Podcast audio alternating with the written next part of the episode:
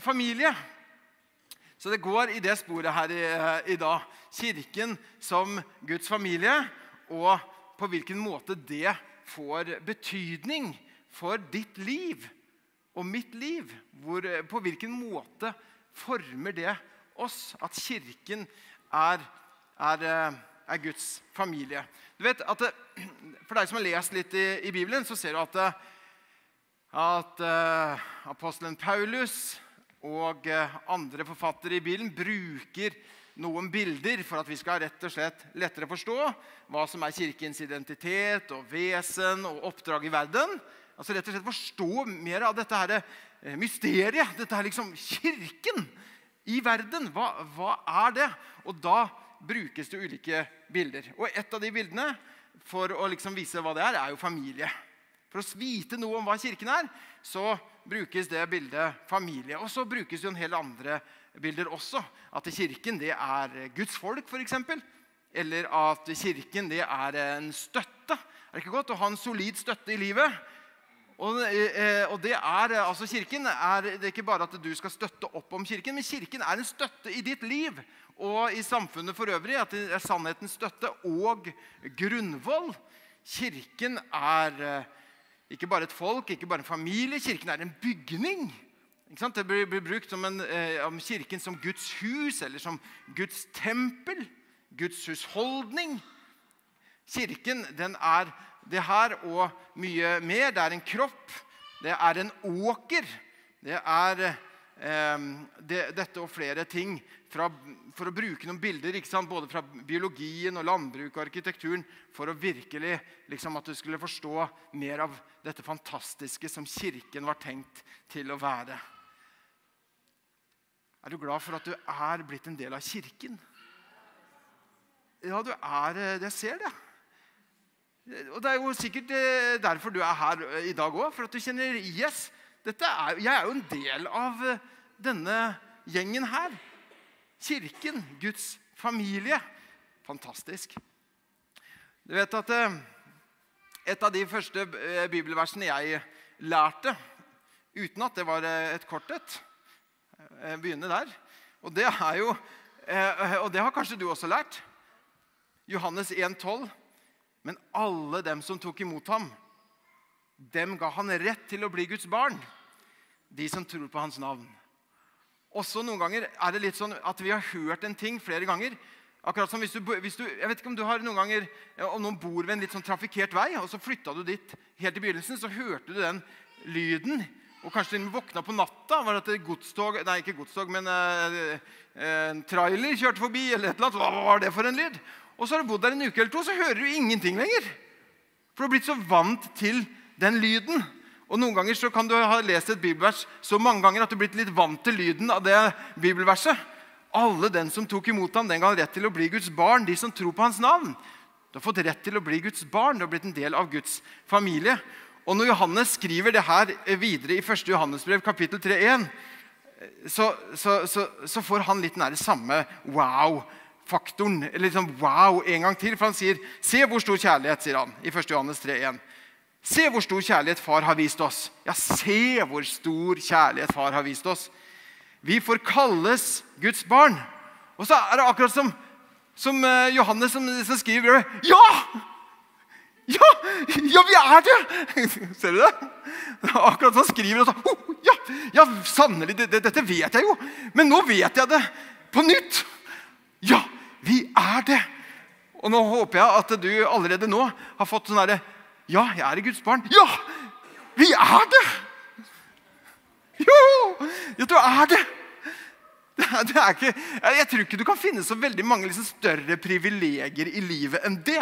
Enn at du kan si 'Jeg er Guds barn'. Jeg er et Guds barn. Jeg er blitt Kristi medarvinger. Han sier faktisk 'alt mitt er ditt'. Tenk på det. Ja, det er et voldsomt privilegium. I Galaterbrevet 4,6 så sier, eh, så sier eh, Paulus det sånn som det her. Fordi dere er barn, har Gud gitt sin sønns ånd i våre hjerter. Og ånden roper Abba, far, ja. Ånden roper Abba, far. åh, Kan du kjenne at ånden vitner med din ånd at du er et Guds barn?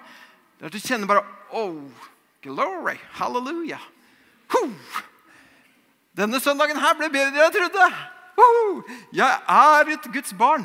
Ja, jeg er det, sier jeg med Johannes. Og så er du ikke lenger slave. Det er litt der vi kommer fra.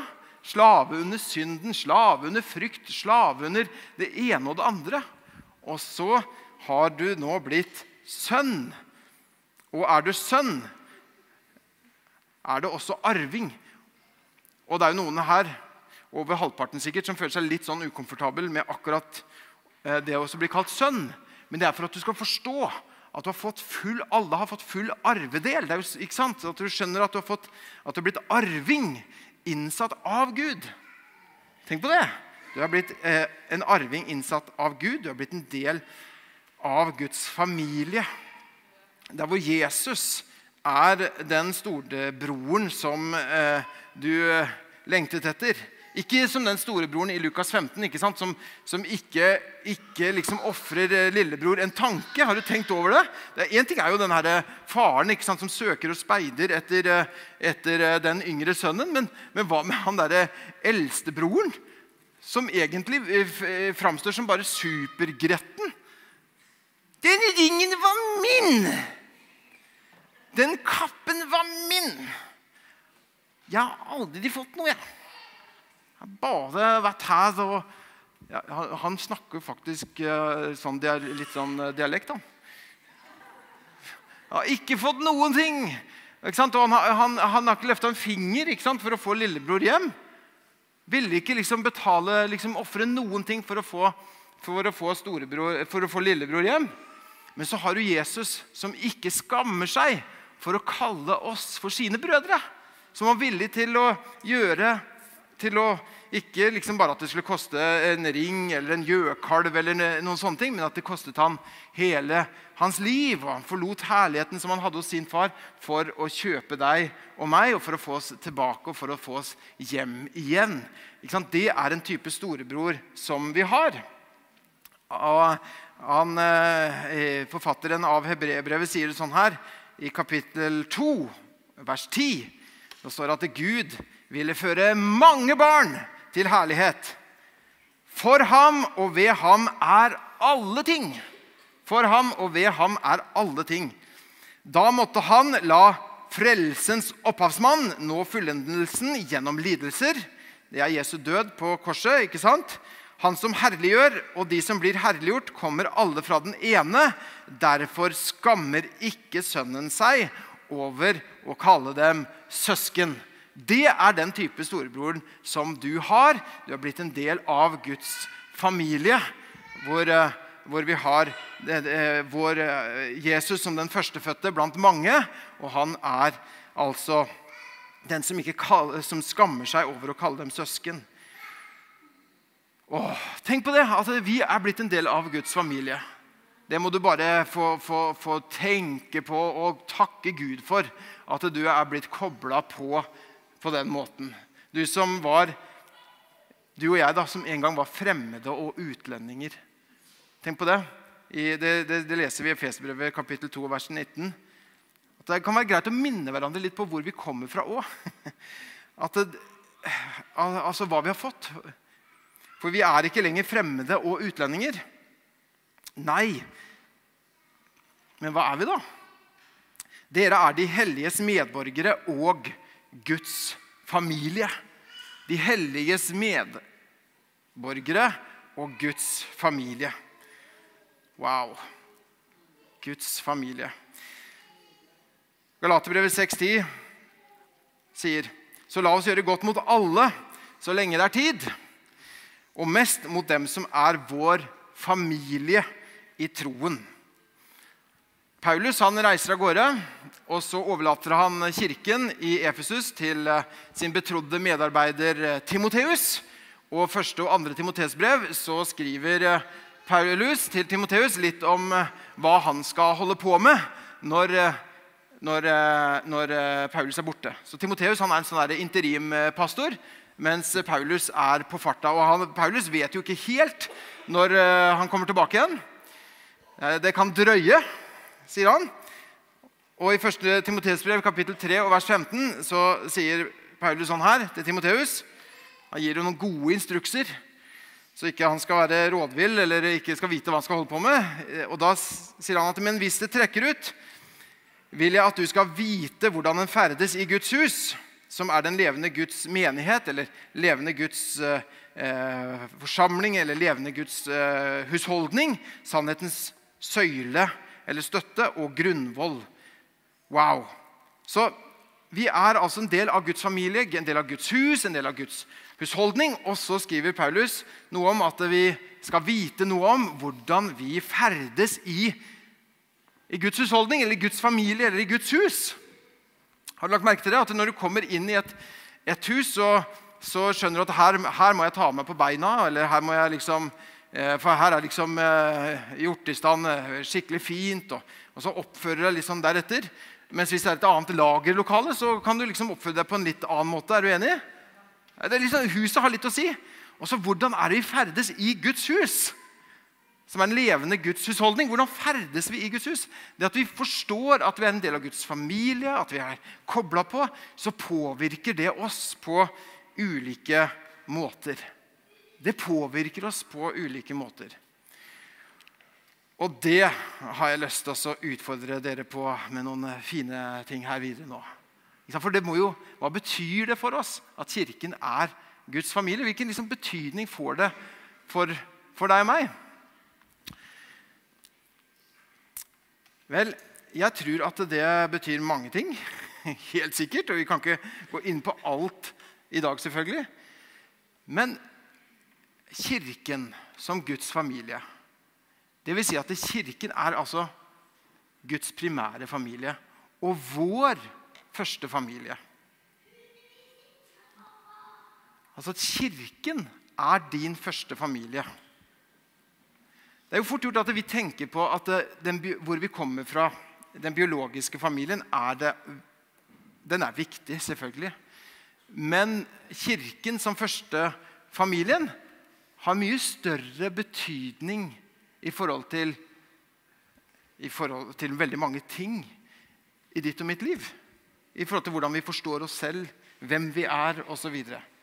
Noen ganger så kanskje vi lar oss begrense av eh, ting som vi har opplevd i vår biologiske familie. Biologiske familien den har vi jo ikke valgt selv.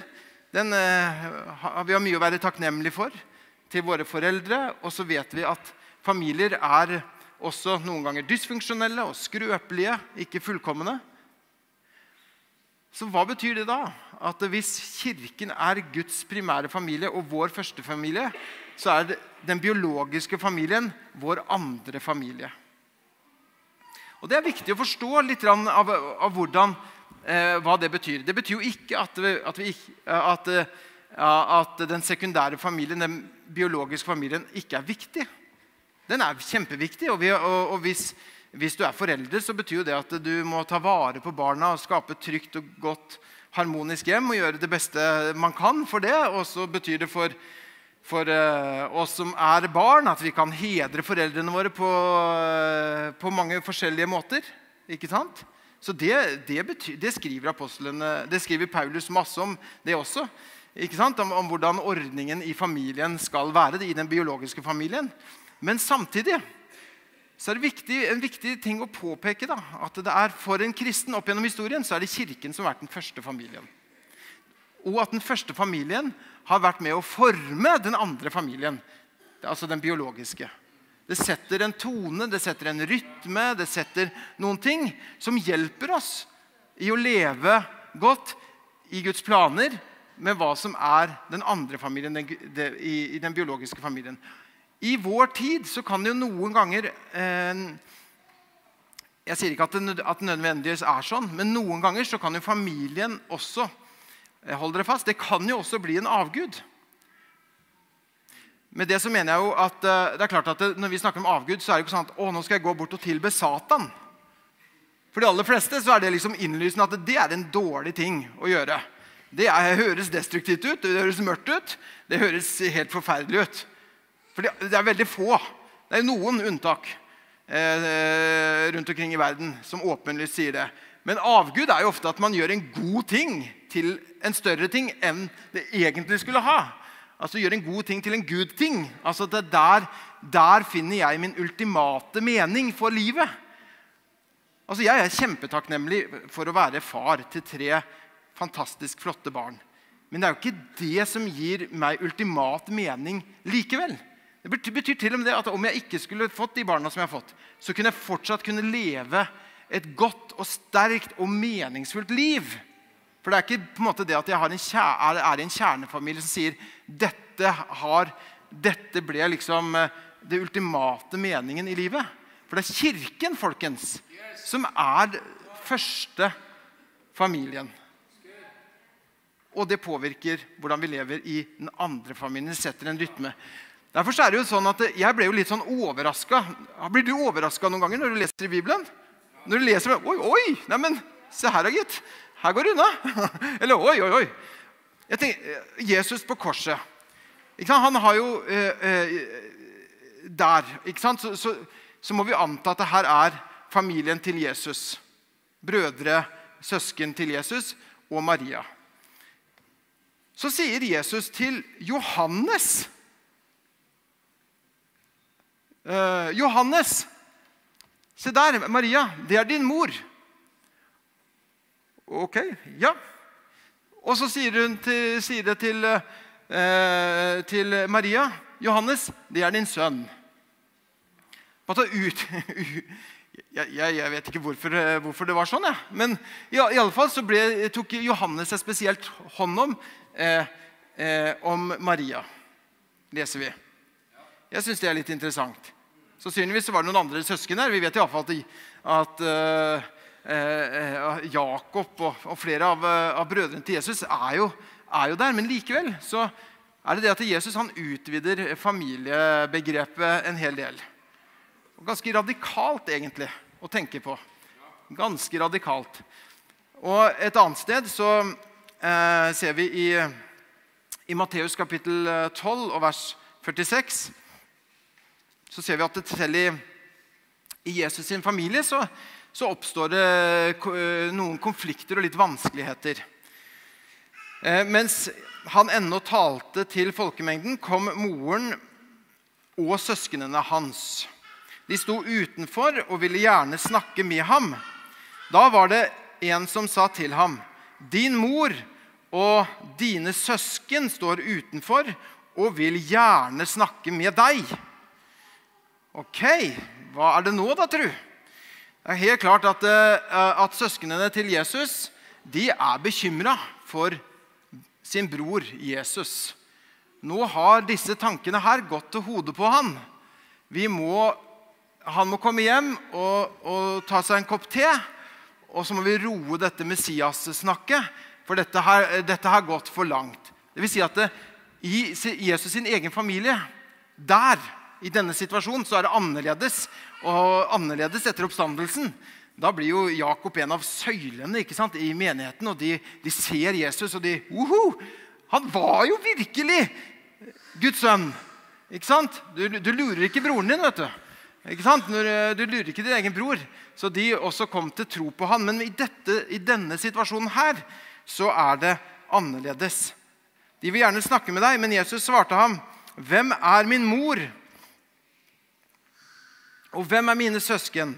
Og han rakte ut hånden mot disiplene og sa, Se her er min mor og mine søsken. For den som gjør min himmelske fars vilje, er min bror, søster og mor. Aha.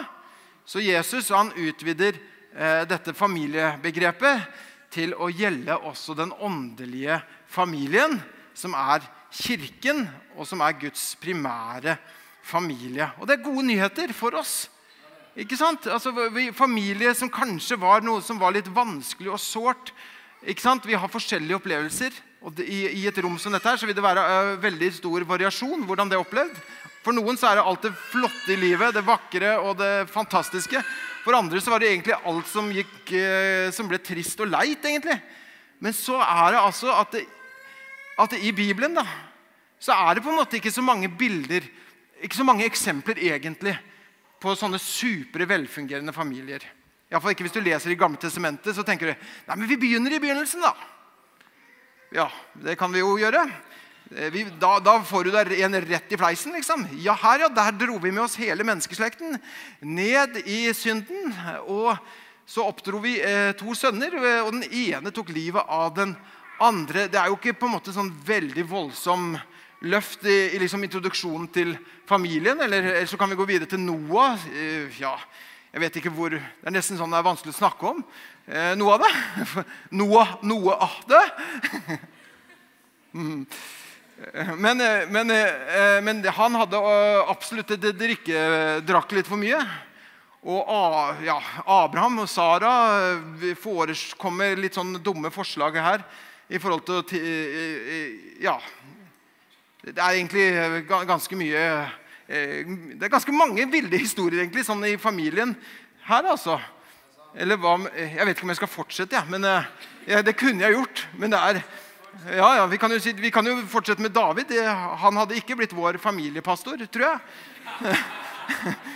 med liksom utroskap og en sønn ikke, som går helt bananas og gjør opprør. Ikke sant? Eller, eller hva med Ja, hva med Isak sin familie? Med, der har vi jo litt av hvert som går gærent, for så vidt ja. Nei, men jeg, vet, jeg, jeg, blir nesten litt sånn der nedstemt ja, av å, å, fortsette her. Samtidig, samtidig, så blir jeg litt sånn oppstemt òg. For jeg tenker Ja, ja, Miriam. Altså, Du og jeg vi trodde jo at vi hadde, kanskje ikke fikk alt til her. Men hvis vi sammenligner sammenligner oss da litt med Adam og Eva og med Noah og Isak og med Esau Jakob der og det, det, her skal gå bra. Det her skal gå bra, altså. Gud han kan bruke oss som ufullkomne foreldre og som, eh, som eh, svake kar. Og kanskje er det egentlig Bibelen prøver å si her. at vet du, Det er familiegreier. Det kan være komplisert. Men så kanskje at det også peker fram mot noe. Et, en oppfyllelse av noe. At kirken og nå skal ikke jeg si at alt er problem knirkefritt i kirken heller. For der også er det jo mennesker fortsatt.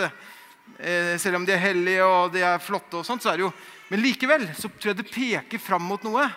At, eh, med Kirken som første familien, og at det kan gi oss kjempemasse masse håp rett og slett ved det. For Paulus så betyr dette mange ting når Kirken er Guds familie. Han eh, sier at uh, I 1. Korinterbrev 4,15 så sier han for om dere har tusen lærere i Kristus, har dere ikke mange fedre.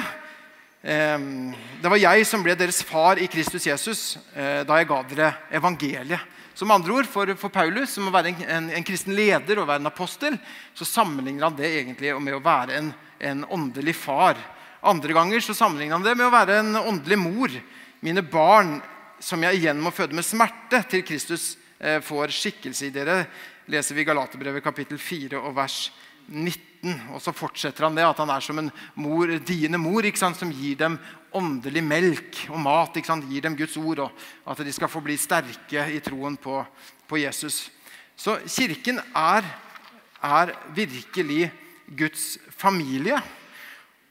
Og det betyr at i Nytestamentet, Når du leser Nytestamentet, så, så betyr den biologiske familien litt mindre enn den gjør i Gamle Testamentet. Rett og slett. Og eh, det vil si at I Guds rike så er man ikke avhengig av fysiske etterkommere.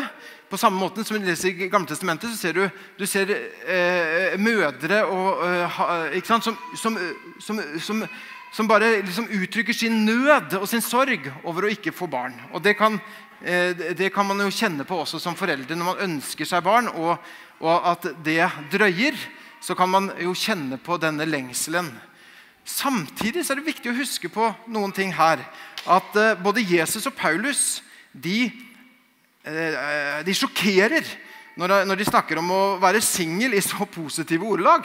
Så er det helt sånn der, veldig, liksom, veldig positivt da, i forhold til annen, Det bryter veldig da, med GT. Er det noen single her? Ja da. Da kan dere se litt, Jeg skal ikke si den der tradisjonelle tullespøken om at dere skal se litt på hverandre. og sånt. Dere skal slippe det, rett og slett. Eh, nei, så ikke se, da. Nei da. Nei, men du Men likevel, du må huske på det. At, at Jesus er jo singel. Det kan jo være greit å bare minne hverandre på det. Eh, det er litt spesielt, så vi skal ikke eh, ja. Men Paulus og, og, flere, mange eksempler i Bibelen på, på singlere som lever supersterke liv. altså. Absolutt. Og så står det likevel noe veldig, veldig interessant i Jesaja, i profetien om eh, Messias, om Jesus, i, Jesaja 53. Eh, fra vers 8 så står det etter fengsel og dom ble han tatt bort. Men hvem i hans tid tenkte på at han ble utryddet av de levendes land fordi mitt folks lovbrudd rammet ham? Altså utryddet av de levendes land. Dvs. Si at han ikke fikk noen fysiske etterkommere. Ingen som bar på en måte slekten videre, ligger i det der. At han ble utryddet av de levendes land.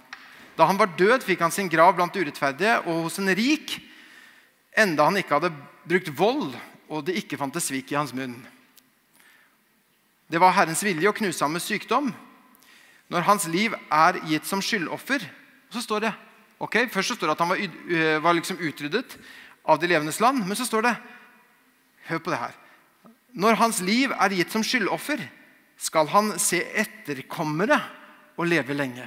Han skal se etterkommere og leve lenge. Ved, Herren, ved Hans ånd skal det lykkes, det Herren vil. Så han skal se etterkommere. Og det vil si at i, i, Når du leser Nytestamentet, så snakker vi ikke bare om fysiske barn, men noe som er vel så viktig. Det er åndelige barn. Det at man, man trer inn i kirken som fedre og som mødre. Og Det er mye av det som vi har, eller det er en, del av, en forlengelse av det som vi har snakket om. At du og jeg overfor egne barn, men også over andres barn. Over andres barn og unge så kan vi få være åndelige foreldre. Fordi at Kirken er Guds familie. Derfor så fortsetter vi da. I Jesaja 54 og vers 1 så står det Juble, du barnløse som ikke fødte. Bryt ut i jubelrop, du som ikke fikk rier. For hun som er forlatt, får flere barn enn hun som har mann, sier Herren. Lag større plass i teltet ditt Spenn teltdukene ut, spar ikke på dem. Gjør snorene lange, slå pluggene fast. Det vil si at det både for deg som har barn, og du som ikke har fått barn enda, eller, eh, eller ikke planlegger å få barn, alt ettersom vet du, Barn får vi hvis vi lever tett med Herren. Så får vi åndelige etterkommere også. Og Det er veldig viktig å huske på, at, og det er en del av det at vi er, Kirken er en eh, familie. Amen. Og så står vi med og ber eh, og tror Gud også for alle som ønsker både å gifte seg og ønsker å, å få barn. Vi kan, vi kan, eh, huske på begge de tingene samtidig.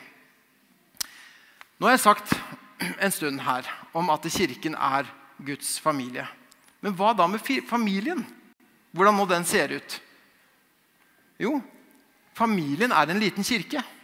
Hvis kirken er en stor familie, så er familien en liten kirke.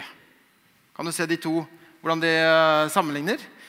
Og der har vi det at, at uh, hvis familien er en liten kirke, så er kanskje noe av det viktigste som du og jeg gjør for de av oss som har barn, eller om vi lever uh, ellers som single eller som par, så er noe av det viktigste vi gjør, er å koble oss på den større enheten, den større familien, Kirken. Ok? At vi kobler oss på der. Så hvis Kirken er den første familien, så blir den andre biologiske familien blir jo da formet av den.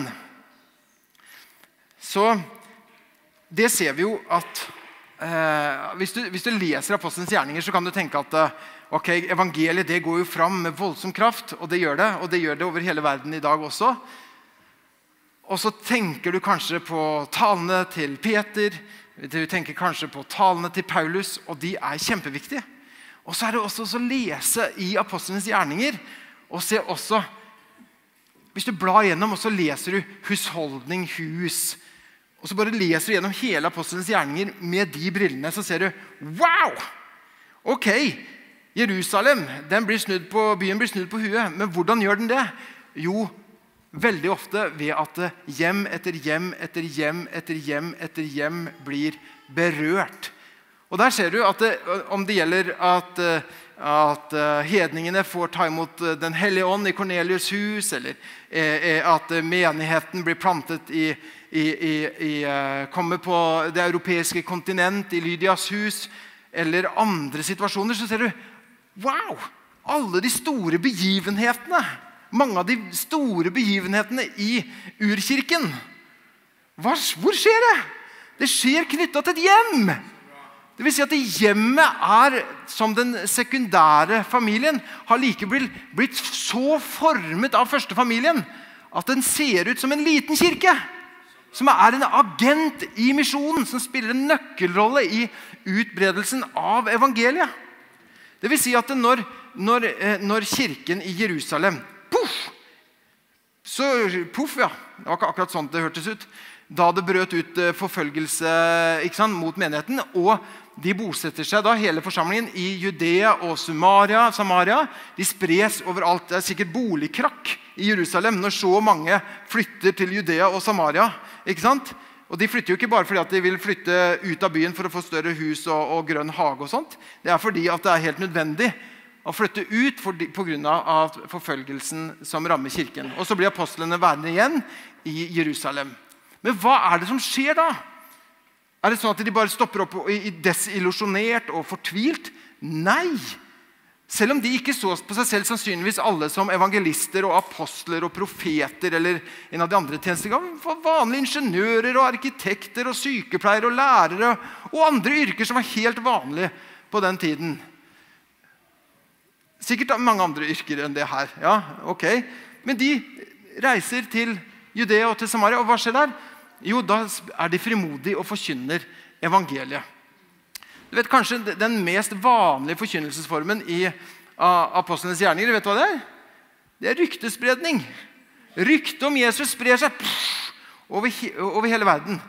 Ikke sant? Fordi at det, de ble spredt rundt omkring. Men likevel så var familien, hjemmet, var blitt så preget av førstefamilien at praksisene i gudstjenesten var blitt tatt med inn i hjemmet. Sånn at uh, ikke bare at kirken var en stor familie, men at familie var en liten kirke. Ok? Sånn at det ble, evangeliet ble spredt. Og Et av de bibelversene som alle pinsevenner og andre selvfølgelig også elsker, det er Apostlenes gjerninger kapittel 2 og vers 17. For Der snakker vi om pinsedag, og da kommer det i rammen av i familieterminologien. Da står det ut fra Joels profeti, hvor det står i de siste dager skal det skje, sier Gud, at jeg øser ut min ånd over alle mennesker. Deres sønner og døtre skal profetere, de unge skal se syn, og de gamle skal drømme drømmer. De unge og de gamle sammen, sønner og døtre sammen, er eh, kar for Den hellige ånd. Nydelig, ikke sant? Og det her er jo også interessant å si at Når pinsevekkelsen brer seg rundt omkring i ulike deler av verden, så er det noe av det som skjer.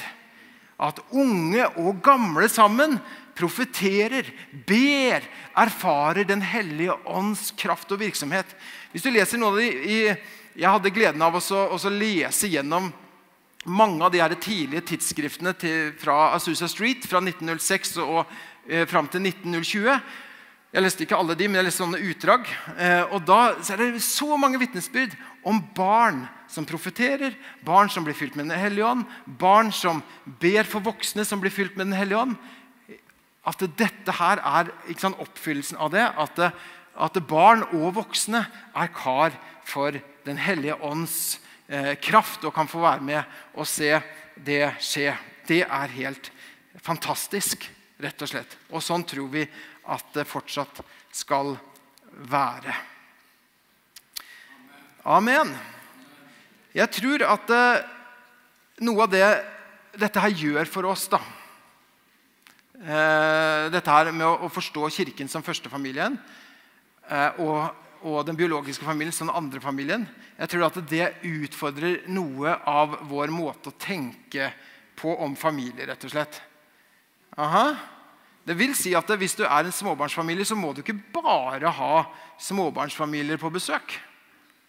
Det er veldig gøy å invitere noen eh, single, noen unge par og koble sammen, fordi vi er kirke som Guds familie, som, som, på en måte tenker også litt mer som familie i hverdagen.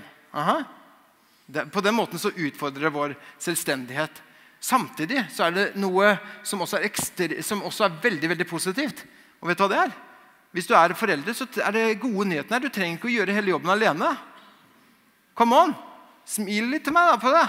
Ah, så vakkert. Det er jo helt kjempebra. Altså, Jeg har nesten ikke behøvd å gjøre noen ting jeg, i min barneoppdragelse. Jeg har så mye kjekke folk. Så jeg sier Lars Wilhelm, nå stikker du bort dit. Og Så skal han eh, lære deg om å bli en ekte Jesu etterfølger. vet du. Dette blir bra. Og dere jentene, nå må dere bort der også.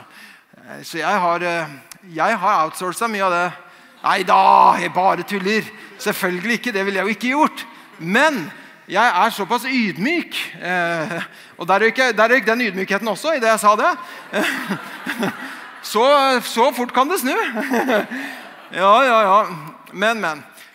Eh, og der glemte jeg nesten hva jeg skulle si. Men eh, det kommer tilbake igjen. Ja, ja, ikke sant? At det er ting som andre fikser bedre enn meg. Så jeg er veldig glad for at, at jeg, har, jeg kan koble på familien. Sånn at, eh, at, de skjønner at, eh, at ja, de har flere gode folk som, er, eh, som, omslutter dem med kjærlighet, med oppmuntring, med godhet. Som har tro på dem. Hvilken gave å gi barn og ungdommer og tenåringer. Bare si 'Kom igjen! Hele det her, det er slekta vår!' Og vi er på slektsstevne hver eneste søndag. Det er så herlig! Ikke sant? Og så, og så kobler man på. Og så og så er det noen som ikke har barn, og så er det noen som har voksne barn. og Så er det noen som, så bare, så er det som en, som, eh, som en sånn skikkelig festreise. Fordi at man skjønner at vi kobler på. Og, og biologi det, eh, det, er jo eh, et spesielt ansvar, men samtidig så utvider vi det til å gjenle også en åndelig dimensjon av det. Så det utfordrer på den ene siden vår selvstendighet. Eh, ved at vi kobler andre inn i, vår, i vårt liv. Ikke sant? På den annen side så er det en, en voldsom velsignelse og hjelp fordi at vi ikke behøver å gjøre alt av, alene. Amen. Hvilken voldsom ressurs Kirken er. Hvilken voldsom ressurs det er for å lykkes i livet. For å leve godt og, og, og salig liv. Kom igjen, altså! For en glede! Hæ? Og det er, ja, men det er jo til og med noen som applauderer her. Jeg ga deg jo 20 kroner for uh, her i innledningen. Kjempebra. altså. Det var valuta for uh, kronene. Amen. Ja, ja, ja. Visst, visst er det bra.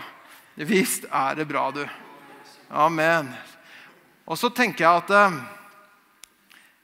ja, Jeg tenker jo så mye om dette her. Men uh, kan ikke dele alt med en gang. Det kommer flere søndager. Det gjør det. Så må vite når den skal stoppe òg. Ja. Når, og jeg pleier å stoppe når, når, folk står og dunker på klokka si. Da, da er det liksom eh, Da er det overtime. Nei da. Men vi er ikke der nå. Ja, men det er godt å kunne komme til Jeg føler at vi har hatt en god innledning på dette temaet nå. Så jeg skal gå inn i hovedpunktene. Nå. Kom igjen, da. Halleluja. Men vet du, hvis Kirken er førstefamilien, så betyr det også noen ting for prioriteringene. altså. Skjønner? Og Det er greit med bursdager og det er greit med treninger og det er greit med cuper. Men så det et, kommer det også til et punkt for barnefamiliene hvor de sier at nei, men nå føler jeg at jeg ikke prioriterer Kirken som førstefamilie lenger. Nå føler jeg vi er nedpå liksom andre og tredje og litt lenger nedpå. Hvis det er sånn at, skjønner hva jeg mener? Hvis førstefamilien ikke også får prioriteten som den skulle ha, så rokker det også ved så mange, mange ting i, i familielivet og, og, hjemmelivet, rett og slett. At det får sånne eh, dumme ringvirkninger. Men hvis en i sitt hjerte tenker at dette er min familie, dette er førstefamilien, så gjør det noe med hjertet for huset, hjertet for, for de som er der. Det gjør noe med oss alle sammen. Bare når vi ser hverandre. Det gjør noe med oss. Og så vet jo jeg at uh, det, er en, uh, det, er sånn du ser det også. Men når vi preker og deler det, så, så er det akkurat som at vi får blitt minnet på det på en, på en ny måte. Jeg tror også det gjør noe om hvordan du starter dagene. Og Hvis dette, er, liksom, dette hjemmet her er en liten kirke, men kan vi ikke starte med å si et lite bibelvers da, på morgenen?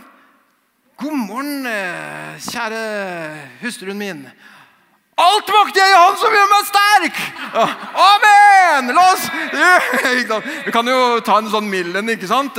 men bare liksom i morgen tidlig. ikke sant? Så, ja, men nå skal vi praktisere her.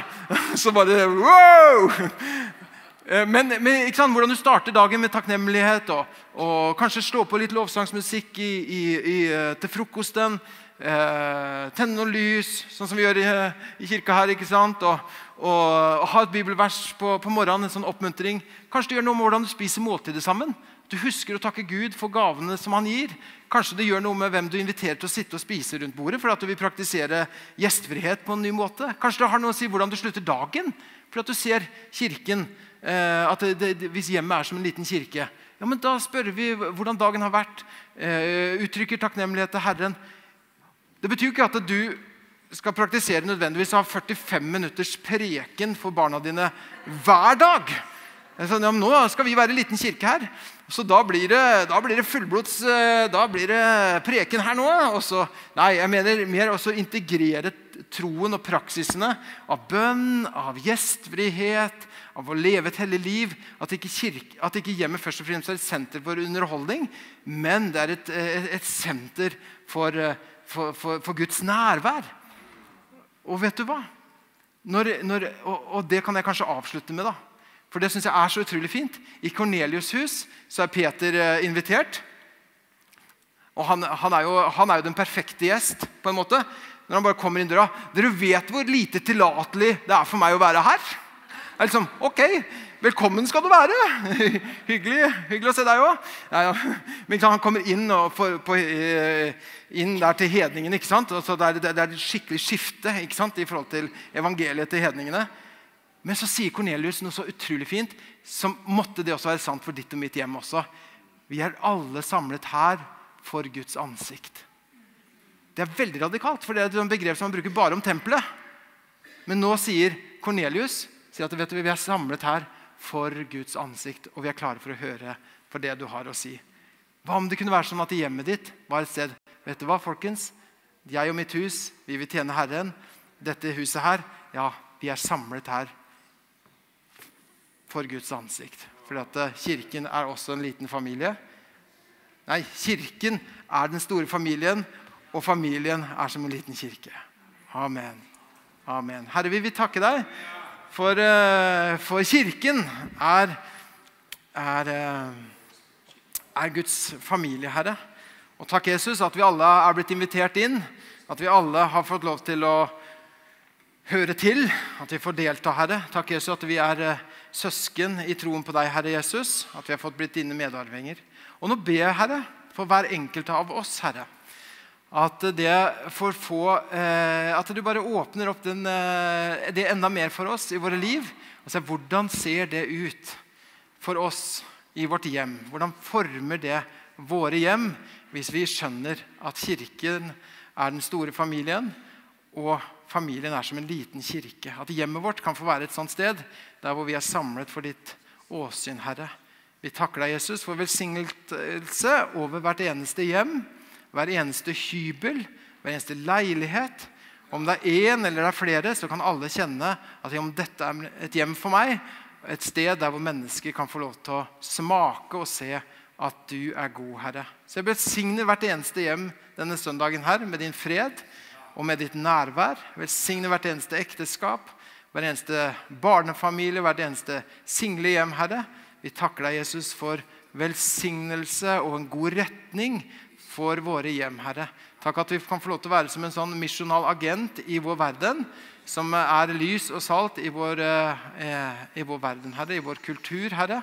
Og at vi kan få lov til å se at våre hjem blir formet, Herre Jesus, sånn som du ville det, Far i himmelen. Vi priser deg. Takk at du også hjelper oss med vårt andaktsliv i hjemmene våre. At det kan få være en sånn oase av liv og, og av din herlighet. Eh, det takker deg, Jesus, at vi kan få lov til å sammen ta noen bestemmelser rundt det. Herre. At, eh, at, vi får noen eh, nye rytmer og nye rutiner i våre liv. Herre Jesus. Midt i den hektiske hverdagen Herre, så kan du hjelpe oss å få reflektere over hvordan hjemmet skal se ut, og den retningen som du har for våre hjem, far. Vi priser og ærer deg, Jesus. Takk for det, Gud. Vi priser deg. I Jesu navn. Amen.